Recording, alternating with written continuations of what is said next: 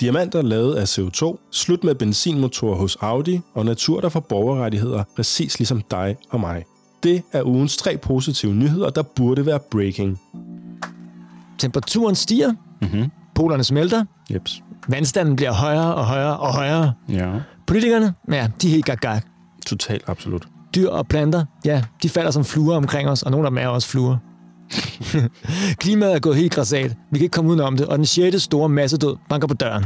Ja, der er ikke nogen tvivl om, at vi er på katastrofekurs. Og alle verdens medier elsker jo at få dig til at klikke på dårligt nyt hele tiden. Altså hele tiden. Hver eneste dag.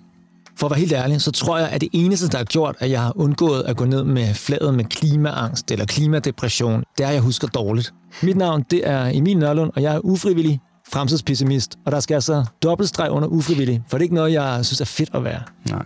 Jeg hedder Dennis Rivin, og jeg er fremtidsoptimist. Jeg prøver ikke at være jubelidiotisk omkring verdens tilstand, men jeg synes, det er mega vigtigt, at vi samles om de fremskridt, der faktisk hele tiden sker. Og det hjælper du os heldigvis med, Dennis, for hver uge, der kommer du med tre styks godt nyt, som vi alle har brug for at vide, men som de færreste af os støder på ja. i vores almindelige nyhedsdagligdag, fordi vi falder i den negative nyhedsfælde. Ja. Tre nyheder, der burde være breaking. Du lytter til podcasten af samme navn. Velkommen til.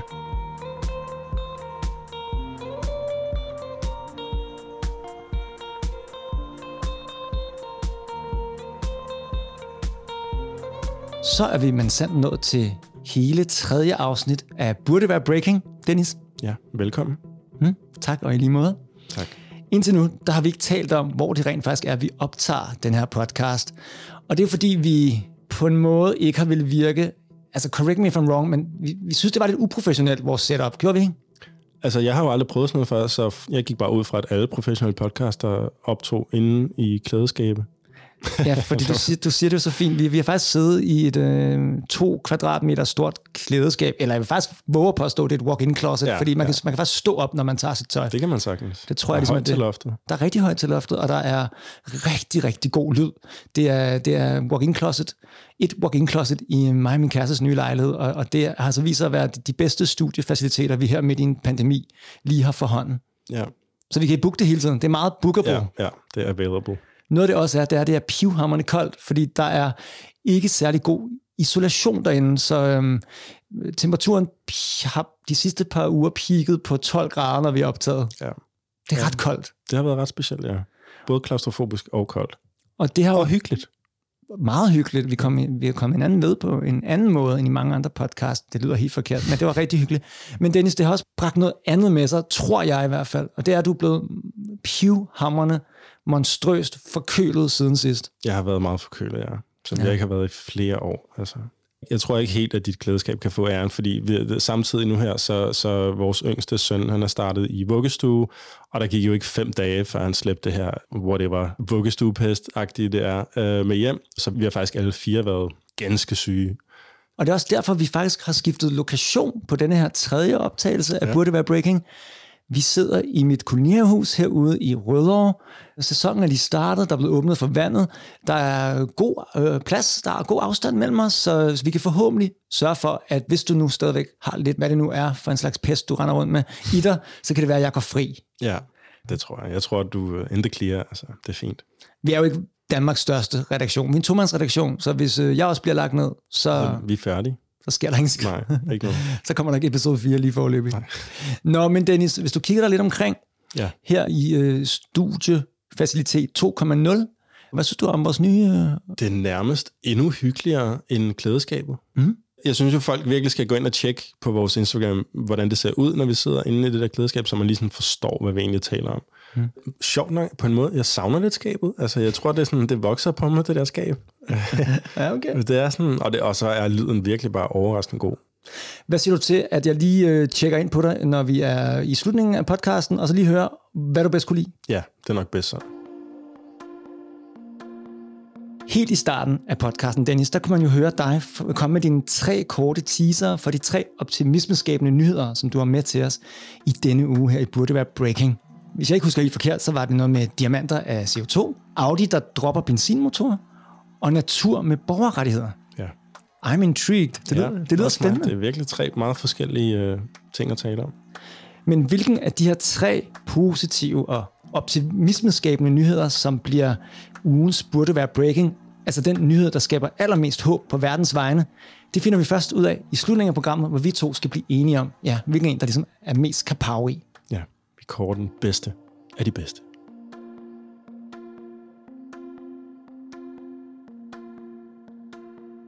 Hvad er den første burde være breaking nyhed, som du har med til os i dag? Okay, nu gik jeg jo i gang med at interviewe dig sidste uge, Emil, og det var, mm. det var rigtig godt. Det var godt lige at høre lidt om din baggrund og din opvækst, og hvordan dine forældre åbenbart har gjort dig til glødende pessimist. Uh, og nu har jeg på en måde fået smag for det. Så jeg vil lige høre dig om en ting til. Er du egentlig gift? Det ved du faktisk ikke. Det lyder som om, jeg vil tro, Nej, det gør faktisk. jeg vil faktisk tro, at du vidste det, men uh, du kan se her mine fingre. Ej, no rings. Jamen, det ved man aldrig længere nu med folk these days. Altså. Nej, det er selvfølgelig rigtigt. Men det, jeg er ikke gift endnu, men jeg har fundet hende, der jeg skal giftes med. Uh, nu er det on tape. Okay, fedt. har du så nogensinde overvejet, hvad du vil fri med? Øh, nej, jo. Jeg, jeg, jeg har faktisk ikke overvejet andre muligheder end en ring. Jeg ved ikke, om jeg ved faktisk ikke, hvor dyre diamanter er, så jeg, jeg ved ikke helt, om, om det skal være en diamantring, men helt klart en ring. Man siger, at man skal bruge tre gange månedsløn. Er det ikke sådan? Men så er det godt, at jeg ikke tjener så meget. Det er sådan, ja, fordi det er det, der er. Altså, Der er rigtig mange i, i verden, der vælger at bruge diamantringen til forlovelser, men diamanter har de sidste 10 års tid, mindst 10 års tid, fået et meget, meget blakket ry af rigtig gode grunde, fordi bloddiamanter har der for eksempel været meget tale om, øh, fordi det er en meget, meget beskidt industri, der velvidende har set igennem fingrene med børnearbejde og minedrift i øh, konfliktområder og alt muligt. Det kan, man, det kan man selv lige læse lidt op på. Det interessante er, at øh, det, det, vi skal tale om nu, det, det, der er en bevægelse ud i verden, hvor dels yngre generationer i stigende grad fravælger diamanter i det hele taget, men hvis man alligevel går hen og vil have sig sådan en, så er der et ret interessant alternativ på vej i form af syntetiske, laboratoriefremstillede diamanter, der, der skulle være fuldstændig umulige at se forskel på. De er identiske med rigtige diamanter ned på det atomare niveau. Altså sådan, så det er the real deal. Men de her diamanter, som er laboratoriefremstillet, de er ikke bare fri for både konflikt og børnearbejde. De er bogstaveligt talt udviklet af CO2, opfanget i atmosfæren. Mm. Så man du ved, cementerer ikke bare sin kærlighed til sin partner, man er faktisk aktivt med til at rydde atmosfæren for drivhusgasser mm. og forurening. Og de skulle koste altså cirka halvdelen af, af the real deal. Okay. Det er ikke for at sige, at det her er, er vigtigt, fordi det er decideret godt for klimaet nødvendigvis. Det interessante i det her er, at jo, altså, dels lyder det her til at være indiskutabelt bedre alternativ øh, til den traditionelle diamant, fordi man undgår udledningstung minedrift og opslidende arbejde for underbetalte mennesker og alt det her. Men hvad der er virkelig interessant i virkeligheden, er, at det her mere er et udtryk for en spirende start på en helt ny økonomi i verden, hvor man begynder at støvsuge atmosfæren for den farlige CO2, og at man nu er ved at have teknologier på plads, der gør os i stand til at konvertere den her CO2 til produkter, til nye produkter. Det er en helt ny industri i verden, der kaldes for Direct Air Capture, eller Carbon Capture Utilization and Storage. Og den her industri, den er meget udskilt, fordi politikerne elsker den, fordi det er den perfekte undskyldning for ikke at tage svære beslutninger i dag, der kræver ægte adfærdsændringer i samfundet. Problemet er bare, at der kommer til at gå mange år endnu, før de her teknologier kan støvsuge nok CO2 mm. ud af atmosfæren til, at det rigtig batter. Vi taler om altså sådan ufattelige målestoksforhold, øh, hvor din lille diamantring er ganske ubetydelig. Ikke? Men ikke desto mindre, så, så er der stille og roligt ved at komme gang i det, ligner det. Og, og, og det med, at man kan indfange CO2 og så konvertere det til nye produkter, der kan videresælges, det er et rigtig godt incitament for mange til at forfølge det det var det, vi talte om sidst med, at, at, at det begynder at blive profitabelt at reparere verden, i stedet for at smadre den. Det, og det her det, det er et rigtig godt eksempel på det, synes jeg. Hvilke andre produkter kan, har man brugt den her praksis på? Ved du det? Ja, altså man eksperimenterer med alle mulige ting. Det, det er alt fra sådan noget kosmetik til jetbrændstof og plastik, cement, alt muligt. Der er et meget øh, jordnært eksempel med en sodavandsproducent, der har indfanget CO2, som de bruger til at lave brus i dansk vand med. Det, altså straight up. det lyder jo egentlig ret oplagt, fordi er det ikke nærmest CO2, man, man fyrer? Koldioxid. Kulsyre. Der må være noget CO2 i på en eller anden måde. Ja. ja. Du siger jo selv, at din diamant er jo ikke særlig stor, og, og hvor meget kan det egentlig batte i det store hele? Det er jo ikke, fordi man kører super mange diamanter som, som enkelt person i, i løbet af sit liv, på nærmest man er sådan en mormon, der har mange, mange ægteskaber eller sådan noget. Ikke? Ved du, hvor meget CO2 den hapser sådan en diamantring her? Nej det gør jeg ikke. Altså, Men, det må være et kompliceret regnskab, ja. og, det er det, jeg siger, det er, sådan, det er ikke nødvendigvis, du ved, det, der kommer til at redde os fra en klimakatastrofe ude i fremtiden. Men det er et virkelig interessant tegn på en spirende øh, industri, en spirende økonomi, og også bare et interessant alternativ til, hvis du nu står og skal have en, det, du foretrækker en diamantring til din forlovelse, så er det da mega fedt at kunne vælge det. Det, det medfører en form for adfærdsændring blandt forbrugerne, for det giver dig et ekstra mm. valg hvor, hvor du meget aktivt kan sige, altså nu har de jo alle mulige certifikater på plads, og alt muligt, der angiveligt sikrer, at det ikke er en bloddiamant, og alt det der, men altså, du ved, de der industrier, mm. det er jo mhm. fandme svært at finde hovedet og i. Så det er sådan consumer empowerment på en eller anden måde. Altså jeg kan godt se, at det også må være meget federe at, at få en, lad os nu bare blive ved diamantringen, en diamantring, hvor man ved, at der ikke er nogen, der har haft det forfærdeligt undervejs, og måske har måttet lade livet. Altså man ser det jo den der Blood Diamonds, Leonardo DiCaprio vehicle film, ikke? Hvor, hvor, hvor, hvor, hvor mange, der får smadret deres liv og lever under slavelignende forhold i, i den proces, altså bloddiamanter, det siger ligesom det hele. Jeg kan dog være lidt bange for, altså for eksempel tage en Gucci-taske og så en uh, Fuji-taske, altså ikke Fuji-film, men en, ja. lad os kalde den Gucci-taske. Ja. Uh, der vil de fleste, uh, jeg kender, foretrække at få Gucci-tasken. Så tænker jeg også, at de fleste gerne vil have en rigtig diamantring frem for en... Uh... Der er eksperter, der udtaler sig i den her artikel, som vi helt klart kommer til at linke i, at den er identisk, de her diamanter er identiske på atomniveau. De er fuldstændig, der er ikke én ekspert i verden, der vil kunne se forskel på dem. Ah, okay, så... så hvis du stadigvæk foretrækker ja. en diamant, der er blevet hævet op af jorden via et udledningstung minedrift, måske højst ah. sandsynligt af, af underbetalte børnearbejdere, så held og lykke med det. Men, men her er altså et, øh, til synligheden et, et, et, øh, et ret interessant øh, alternativ. Okay, men det, det har jeg så ikke forstået. Det er jo for, det er jo for sejt, hvis det er diamanter. Altså... Det er det, det, det de siger. Altså, det, okay. det er sådan, de, de siger helt ordret, der er ikke en ekspert i verden, der vil kunne se forskel på dem. Det er sejt så vil jeg overveje at, at investere i sådan en uh, klimavenlig eller, eller en fake mm. diamant. Hvad skal man kalde det? Skal den? Jeg er helt klart ikke kalde det fake. Nej. Så, så, en så, uh, CO2-diamant. Hvad kalder en klimavenlig diamant. Okay. Um, jeg, jeg, jeg kunne godt finde på at købe eller min... Uh, klimant. Klimant? Uh, Nej, den, den til, til din kompliment, en klimant.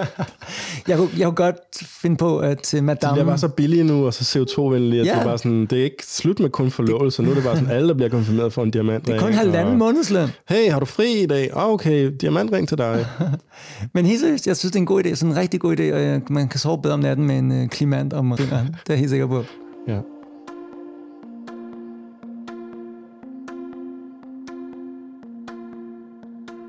Tusind tak for den første nyhed, du har fundet og taget med til os her i dag. Jeg synes bare, at vi øh, flux skal fortsætte. Hvad er den anden nyhed, som du synes burde være breaking? Den næste nyhed er ret lige til. Den handler om, at den tyske bilproducent Audi har besluttet sig for at stoppe udvikling af nye benzin- og dieselmotorer, fordi EU har indført nogle nye regler for fremtidige forbrændingsmotorer.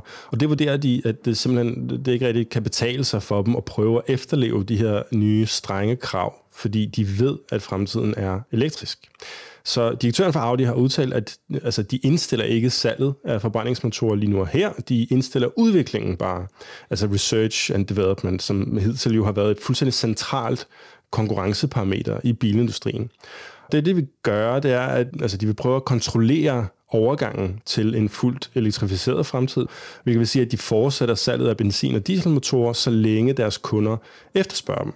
Så dels har vi her at gøre med øh, et regulerende organ i form af EU, der faktisk fungerer, hvis lovgivningen har en effekt. Altså de prøver aktivt at nudge hele industrier i en bæredygtig retning, og der er håndgribelige resultater. Dels har vi det her element af consumer empowerment på en måde, at du som forbruger faktisk har noget at skulle have sagt det har vi et tydeligt eksempel på her, i forhold til vores muligheder for at undvige potentiel klimakatastrofe. Audi siger jo fuldstændig direkte, hey, øh, så snart I stopper med at bede om benzin og diesel, så står vi klar med alternativer. Og så er det her egentlig bare endnu et eksempel i rækken af eksempler på en bilindustri, der øh, er ved at undergå en historisk transformation. Altså det her det er jo bare endnu et, øh, et af snart utallige vink med vedvarende vognstænger. Altså med, min pointe er også bare, altså hvis vi taler apati og klimaangst og modløshed på fremtidens vegne, så synes jeg egentlig ikke, vi har råd til at lade sådan nogle her vigtige signaler øh, lade vores næse gå forbi. Altså vi bliver nødt til at samle som de her små sejre og, og markere dem. Men Dennis, der er jo også en pandemi, der kører for tiden, og der er rigtig mange, der mister sit job i forvejen. Bilindustrien er jo gigantisk, og jeg ved, at der er 100.000 vis af mennesker, ja millioner garanteret af mennesker, der arbejder på de her konventionelle benzinbilsmotorer, fabrikker må det hedde. Hvad vil der ske med dem? Vil de miste deres job så, når der ikke længere vil være øh, efterspørgsel efter benzinbiler? Det er et vigtigt spørgsmål. Det er meget vigtigt at forholde sig til det her faktisk. Det er det, der kaldes for teknologisk arbejdsløshed. Mm. Også fordi der faktisk er, der er sådan noget statistik omkring, øh, der i en forbrændingsmotor er der cirka eller noget 2.000 bevægelige dele. Men i en elektrisk motor er der cirka 20, så det kræver en langt mindre indsats. Så der er også det der økonomiske incitament også for dem at, at gå over til øh, elmotorer, fordi de kræver mindre øh, produktion osv. osv så ja, så hvad, hvad skal de gøre, når de her fabrikker begynder at omlægge deres produktion til elmotorer i stedet for? Der er meget tale om, at mange mennesker vil blive arbejdsløse. Og hvad skal man gøre ved det? Altså sådan, det, ja. det har jeg absolut ikke noget svar på, men det håber jeg, at vores politikere virkelig, virkelig tænker kraftigt over. Fire dages arbejdsuge? Fire dages arbejdsuge, det kunne være... Det, ja, ja, det er helt klart et af, et af de uh, løsningsforslag, der er på bordet. Eller det her med borgerløn, som vi også var inde på i sidste episode. Øh, eller, eller videreuddannelse af, af folk, omformalisering af arbejdsstyrken, som det også kaldes. Nu har jeg i forbindelse med noget arbejde, jeg har haft, skulle læse meget op på hydrogen motorer, altså hydrogenbiler eller brintbiler, Brintbiler. kontra elbiler og almindelige biler.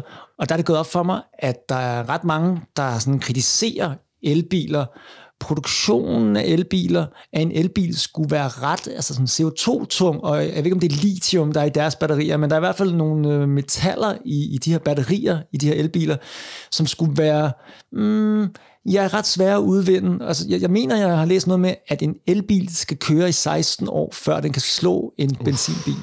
Og der, ja. der er mange forskellige statistikker på det her, og det, det kan jeg ikke sidde og gøre mig klog på. Uh, der er helt klart også nogen, der siger, at det er meget, meget kortere tid, at det er få år, det kræver, før de kører sig ind.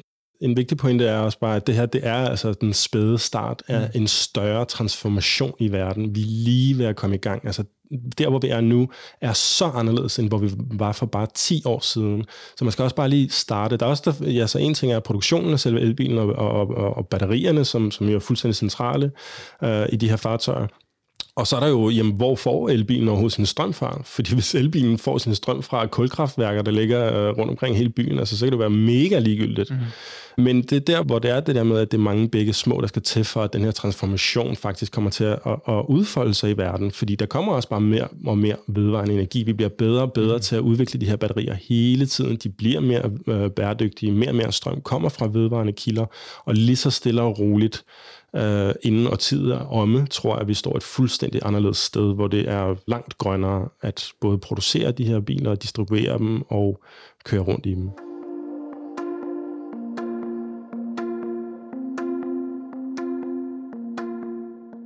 Tak for din nyhed nummer to, som du mener burde være breaking, Dennis. Inden vi skal til din tredje og sidste nyhed i denne episode, så vil jeg ganske kort gerne lige vende, hvad det vil sige at være kritisk fremtidsoptimist, og ikke bare, som jeg har kaldt dig i de foregående programmer, fremtidsoptimist. For hvis man kigger på din øh, mailsignatur eller visitkort, og jeg tror også på LinkedIn, så står der altså kritisk fremtidsoptimist eller kritisk optimist, og jeg har så bare kaldt dig fremtidsoptimist. Kan du ikke lige forklare mig, om den forskel er vigtig? Skal vi ændre den i introen til programmet? Eller er det to sider af samme sag? Tre sider endda måske? Altså, kært barn har mange navne, så det er helt fint. Jeg synes, det er fint. Fremtidsoptimist, så den, den kører vi med her. Men, men generelt så kalder jeg mig selv for kritisk optimist i det hele taget. Og det har jeg gjort, fordi det er et fedt værn mod, altså sådan det her med optimisme, der, der er noget naivitet iboende i det. At man bare er du ved... Ja, jubeloptimist, som du Jubeloptimist, ja, altså lalleglad. Så kritisk optimist, det handler bare om, jamen dels så man, så man, man går kritisk til værks, man prøver at være kildekritisk, man er kritisk over for de ting, man læser, er det nu også så godt, som der bliver givet udtryk for, osv. osv. Og samtidig så er der også en måde at sige, at jeg føler også, at det er kritisk på nuværende tidspunkt i verdensudviklingen, at prøve at være optimistisk på verdens vegne, hvis man kan. Og hvis man faktisk er optimistisk, så er det nærmest altså, ens pligt at, at, at gå ud og dele det med andre, fordi det, jeg føler virkelig, altså den kollektive moral i verden har brug for et boost. Det er egentlig det, jeg mener øh, med kritisk optimisme. Altså, Forstår jeg dig ret? Altså, der, så der er en dobbelttydighed i det. Altså, du er både kritisk, som i kritisk anlagt, eller sådan, går til det kritisk, men det er også på et kritisk tidspunkt, at, at du er det. Ja, det er fuldstændig korrekt. Det kan jeg godt lide. Jeg kan rigtig godt lide, når der er sådan to lag Ja. i, øh, i et ord eller en, en term. Jeg har fået energi af de to positive nyheder indtil videre, og nu synes jeg, at vi skal hoppe til den tredje. Den tredje? Den tredje nyhed. Uh, jeg glæder mig til den tredje. Ja, det, det gør jeg da også, og jeg, ja. jeg kan ikke engang huske. Jo, jeg har jo en fuldstændig umanerlig dårlig hukommelse, men du sagde det i starten af programmet, det her det må komme til at handle om noget med borgerrettigheder, natur, borgerrettigheder, Ja, er det rigtigt? ja, ja. Den her nyhed, den er virkelig sej, synes jeg. For det, der sker, det er, at der er lokale myndigheder i delstaten Quebec i Canada, øh, der har tildelt Magpie River, som er en 200 km lang flod, juridiske rettigheder på lige fod med mennesker. Øh, og det betyder i praksis, at floden anerkendes som levende væsen med ret til liv og velfærd, og at man fremadrettet kan sagsøge på flodens vegne. Det vil sige, hvis nogen gør skade på floden ved at forurene den eller hindre dens biodiversitet, øh, og, og det bringes for en domstol, så vil domstolen kunne udmåle den eventuelle straf, som om man havde gjort skade på en person det, det er altså ret specielt. Jeg synes, det er vildt interessant det her, for det er noget nyt. Eller, altså, det sjove er jo i virkeligheden, at, at det er noget meget, meget gammelt. Det er en bevægelse tilbage mod oprindelige civilisationer, der var i et med naturen på en helt anden måde, end vi er vant til i dag. Øh, og det, man altså ser nu, markerer på en måde et paradigmeskifte i det moderne menneskes relation til den uvurderlige natur omkring os, som vi i mange, mange år nu har behandlet, du ved, måske mere som en forbrugsgode, mm. end, end som noget ligeværdigt eller, eller noget levende. Og der findes en ret stor håndfuld eksempler på det her ude i verden fra de sidste 10 års tid. Altså det er ret nyt, men lande som Ecuador og Bolivia, Bangladesh og New Zealand har startet den her bevægelse, som kaldes for environmental personhood, mm. altså at natur får status som person. Og der er særligt et virkelig fedt eksempel i USA, i delstaten Ohio. Det var her, jeg faldt over øh, det her fænomen for første gang i sin tid øh, i 2019, da 61 procent af borgerne i delstaten stemte for at give en sø, der hedder Erie, borgerrettigheder, fordi de simpelthen var trætte af, hvordan de omkringliggende landbrug forurenede den. Der kom simpelthen så meget algeværk i søen, at den afskar en halv million mennesker fra rent drikkevand. Og det var altså noget, man kunne samles om, om øh, øh at sige fra overfor. Så den sø har også fået borgerrettigheder, som man nu kan sagsøge, hvis der er nogen, der forurener den, som om de gør skade på en person. Det er virkelig en vild udvikling. Det lyder en lille smule øh, surrealistisk. Jeg synes også, der var, du grinte lidt undervejs, eller der, der, du klukkede det, lidt. Jamen, det er også bare, jamen, altså, det, er jo, det, er jo, det er jo sjovt at tænke på på en ja. måde. Altså, det er jo virkelig en, en øh, et, et nyt spor for vores ja. juridiske system på den måde. Øh, altså, altså, der- hvad, der- hvad må- kan det ikke føre til, du ved? Øh, hvor, hvor, hvad skal dyr også have borgerrettigheder, ja. eller hvad? Og, Ja, den her bænkebider derovre, der, der kryber rundt ja. Ja. nede i hjørnet der hen ved hoveddøren. Hvis den spiser noget øh, giftig jord, så kunne jeg da også godt lige sagsøge Rødovre Kommune for en eller anden gammel udslip. Det er, det er sådan meget hmm, rart at høre på, men det er også en lille smule fjollet. Altså, øh, jeg ved ikke... Men det giver, kan du ikke mærke det? Altså, det giver også god mening. Og, Jo. og hvis du sådan tænker tilbage på ting, man har læst om øh, indianerkultur, eller hvad det kunne være, mm. oprindelige kulturer alle mulige steder rundt omkring i verden, de har altid haft et, et helt anderledes forhold til natur, som, som i langt højere grad handler om at give og tage. Vi er meget mere fokuseret på at tage. Mm. Det, det er sådan, vi ligesom har indrettet vores samfund. Ikke? Vi, vi rydder naturen, for, øh, hvis vi har brug for det, og vi behandler, og nu siger jeg vi, altså der er helt klart nogle, nogle industrier, som, som har en helt del mere ansvar, end, øh, end dig og mig, der sidder lige her, og, og højst sandsynligt samtlige af vores lyttere. Ja. Så det her, det, det handler på en måde også om, at der, der, der begynder at komme synlige konsekvenser af, af, af klimaforandringen, og det åbner op for helt nye og uprøvede strategier til grøn klimahandling, som for eksempel den her. Og, og jeg er bare meget positivt overrasket over, at det faktisk bliver ført ud i livet. Mm. Og, og det faktisk gennemgår, altså det er nogle borgerforslag, mm. der, der fører til det. Man kunne godt forestille sig, at det var et, forslag, nogen var kommet med, men det var blevet øh, grint hele vejen ud af retsbygningen. Ja. Altså det der, at det bliver taget seriøst, Ja. det er ret vildt, synes jeg. Det er ret vildt.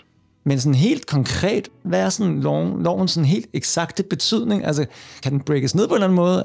Der står i uh, en af de her artikler, jeg har fundet, at uh, ja, så lovens eksakte betydning, der er ni ting. Så dels omkring den her uh, specifikke flod. Floden har ret til at flyde. Mm-hmm. Det er nummer et. Mm. Nummer to er, at man skal respektere dens cyklus. Nummer tre er, at uh, den har ret til en naturlig udvikling. Nummer 4 er, at den har ret til sin naturlige biodiversitet. Nummer 5 er, at den har ret til at udfylde sin essentielle funktion inden for sit eget økosystem. Nummer 6 er, at den har ret til at bevare sin integritet. Nummer 7 er, at den har ret til at være beskyttet fra forurening. Nummer 8 er, at den har ret til at regenerere sig selv og genopbygge sig selv. Og nummer 9 er, at den har ret til at sagsøge. Det griner egentlig, den kommer som nummer 9. Det burde komme som nummer 1. Wow, det, det, men den kan jo ikke selv sagsøge, men det er derfor, den har brug for vores menneskers hjælp, tænker jeg. Ja, det jeg læste om der i forbindelse med den her sø i, uh, i Ohio, det er, at befolkningen omkring den her sø, de fungerer som en form for, jeg, jeg, jeg ved ikke, hvad det hedder på dansk, legal guardians, uh, væver er det ikke det der? Jo, det kunne godt være. Ja, ja. altså man er væver på vegne af søen. Ja, lidt ligesom hvis borgerne var, var søens forældre. Uh-huh. Og så mulige forurenere, de kan altså blive øh, sagsøgt og, og blive tvunget til at som minimum rydde op for deres forurening.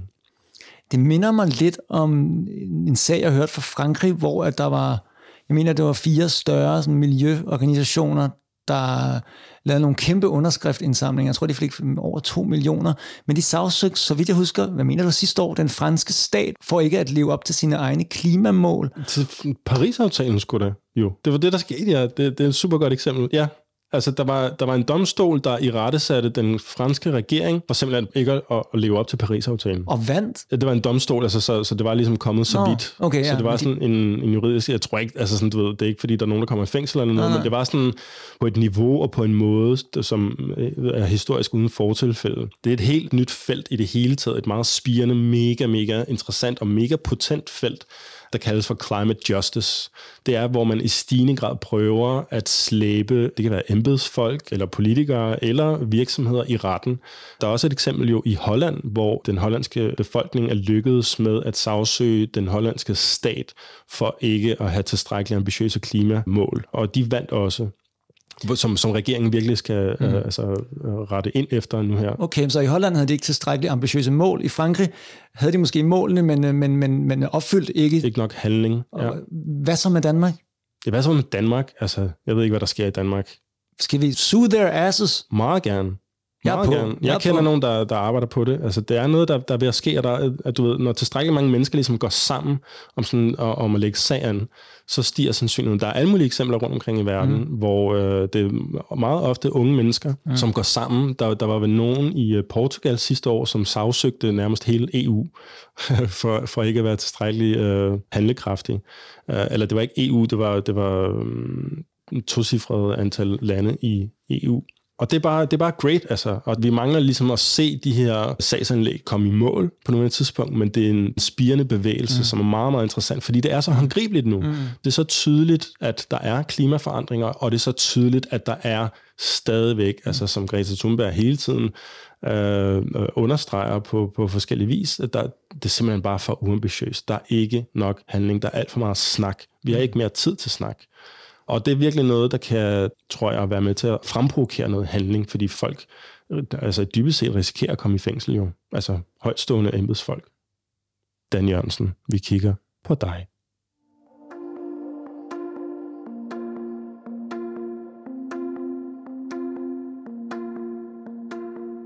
Nu skal vi til det. Vi skal vælge mellem de tre nyheder, som du, Dennis, mener burde være breaking. De tre nyheder, som du har præsenteret indtil videre i denne her episode. Sammen, der skal vi nu faktisk udvælge ugens burde være breaking. Den nyhed, der i vores begges øjne giver størst grobund for håb og optimisme for fremtiden. Jeg elsker det storladende element her. Ja, det er fedt. Mm.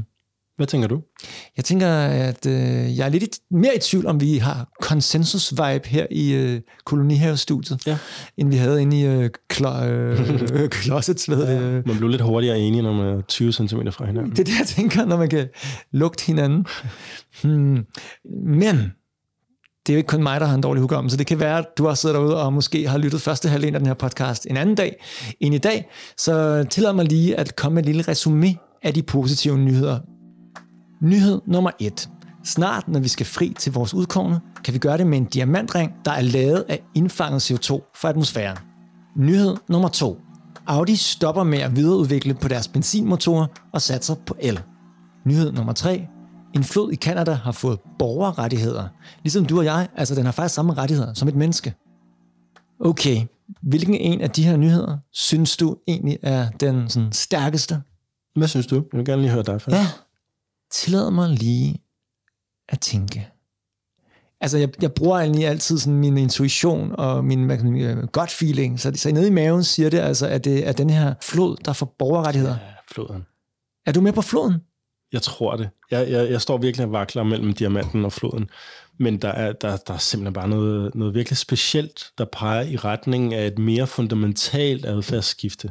Hvis vi begynder at anerkende, at vi er ligeværdige enheder, der indgår i samme økosystem på lige vilkår. At vi ikke kan undvære hinanden. Det er det, det ligesom handler om, at man anerkender naturen for dens fuldstændig uvurderlige pragt og livsvigtige funktion for vores ved og vel her på planeten. Altså, der er virkelig noget interessant i det der. Det er rigtig godt sagt, synes jeg. Og jeg synes også, at her øh, under pandemien har jeg kunne se, hvordan mange af mine venner og jeg selv, den måde, vi ligesom kommer i balance og i harmoni i en tid, der er svært for de fleste, er faktisk at gå ud i naturen. Øh, om det er så ud og, under et træ og, og få noget god vibe der, eller ud og, og, og høre noget bølgeskuld. Det, naturen kan et eller andet. Og naturen kan et eller andet. Det kan den altså. Og jeg vil sige, ja, efter jeg...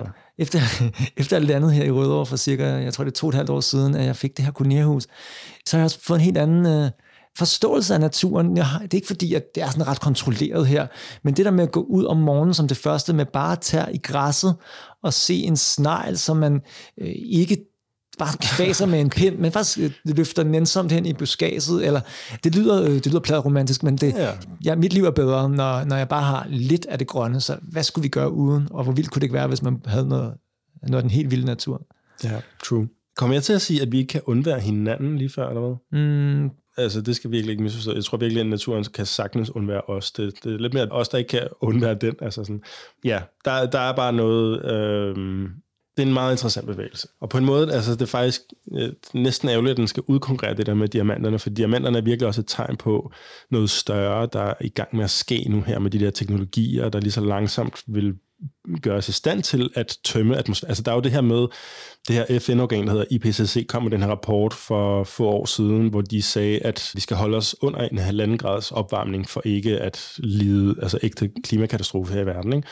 det er virkelig vigtigt at pointere faktisk med det, at det handler om, at vi frem mod 2050 kan fuldstændig stoppe udledning af CO2 i hele verden, men vi kan stadig kun lykkes med at holde os under en halvanden grad, hvis vi resten af århundredet aktivt pumper CO2 ud af atmosfæren. Hvis vi har tilstrækkelige teknologier på plads til den tid, til faktisk at gøre det aktivt hele tiden, resten af århundredet. Så det er mega, mega vigtigt, og det er det, vi ser starten på nu, som vi forhåbentlig får kørt i stilling tidsnok.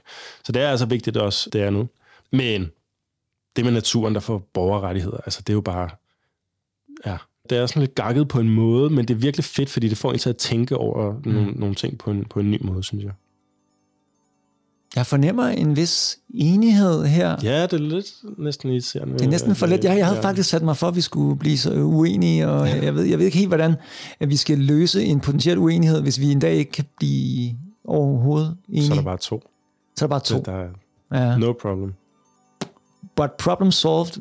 Vi vælger. Vi er enige. Ja. ja.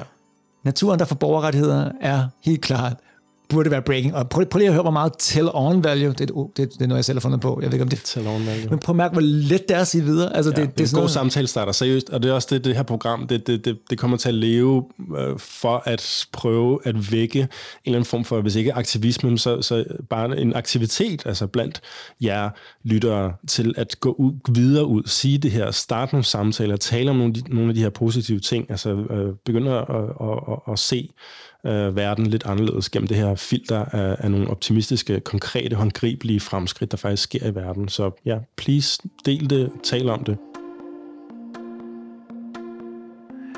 Så er der ikke mere for den 25 som øh, din gang sagde i... Uh, i en reference til hvad, noget, noget snup eller sådan noget? Mm, jeg tror, det var Disney Show. Disney Show. Eller noget der stil. Men der er faktisk lige lidt mere for pengene, fordi ja.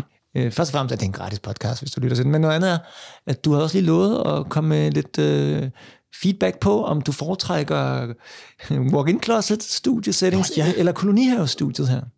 Ved du hvad, øh, altså jeg må virkelig ærligt indrømme, altså først og fremmest, dit kolonihavehus er mega hyggeligt. Tak for invitationen. Det er dejligt at være her. Men på en eller anden weird, super weird måde, så savner jeg lidt det der øh, skab der. Mm. Altså, der er god akustik, og det er bare sådan, man er virkelig bare afgrænset, dybt fokuseret mm. i samtalen, og det fungerer meget godt. Jeg ved ikke lige, hvad der er bedst. Altså, det holder nok ikke i længden. Mm-hmm. Men øh, For nu, der, der vinder skabet. det er fedt, at der er et alternativ nu. Nu har vi ligesom to steder, vi kan tage hen. Det er sandt, og jeg vil sige, jeg synes øh, altid, man skal give ting en ekstra chance, så jeg synes, vi skal optage episode 4, den kommende episode 4 herude også, og så må vi se, øh, hvordan du har det efter den optagelse. Det er en god idé. Man har et standpunkt, til man tager et nyt. Ja.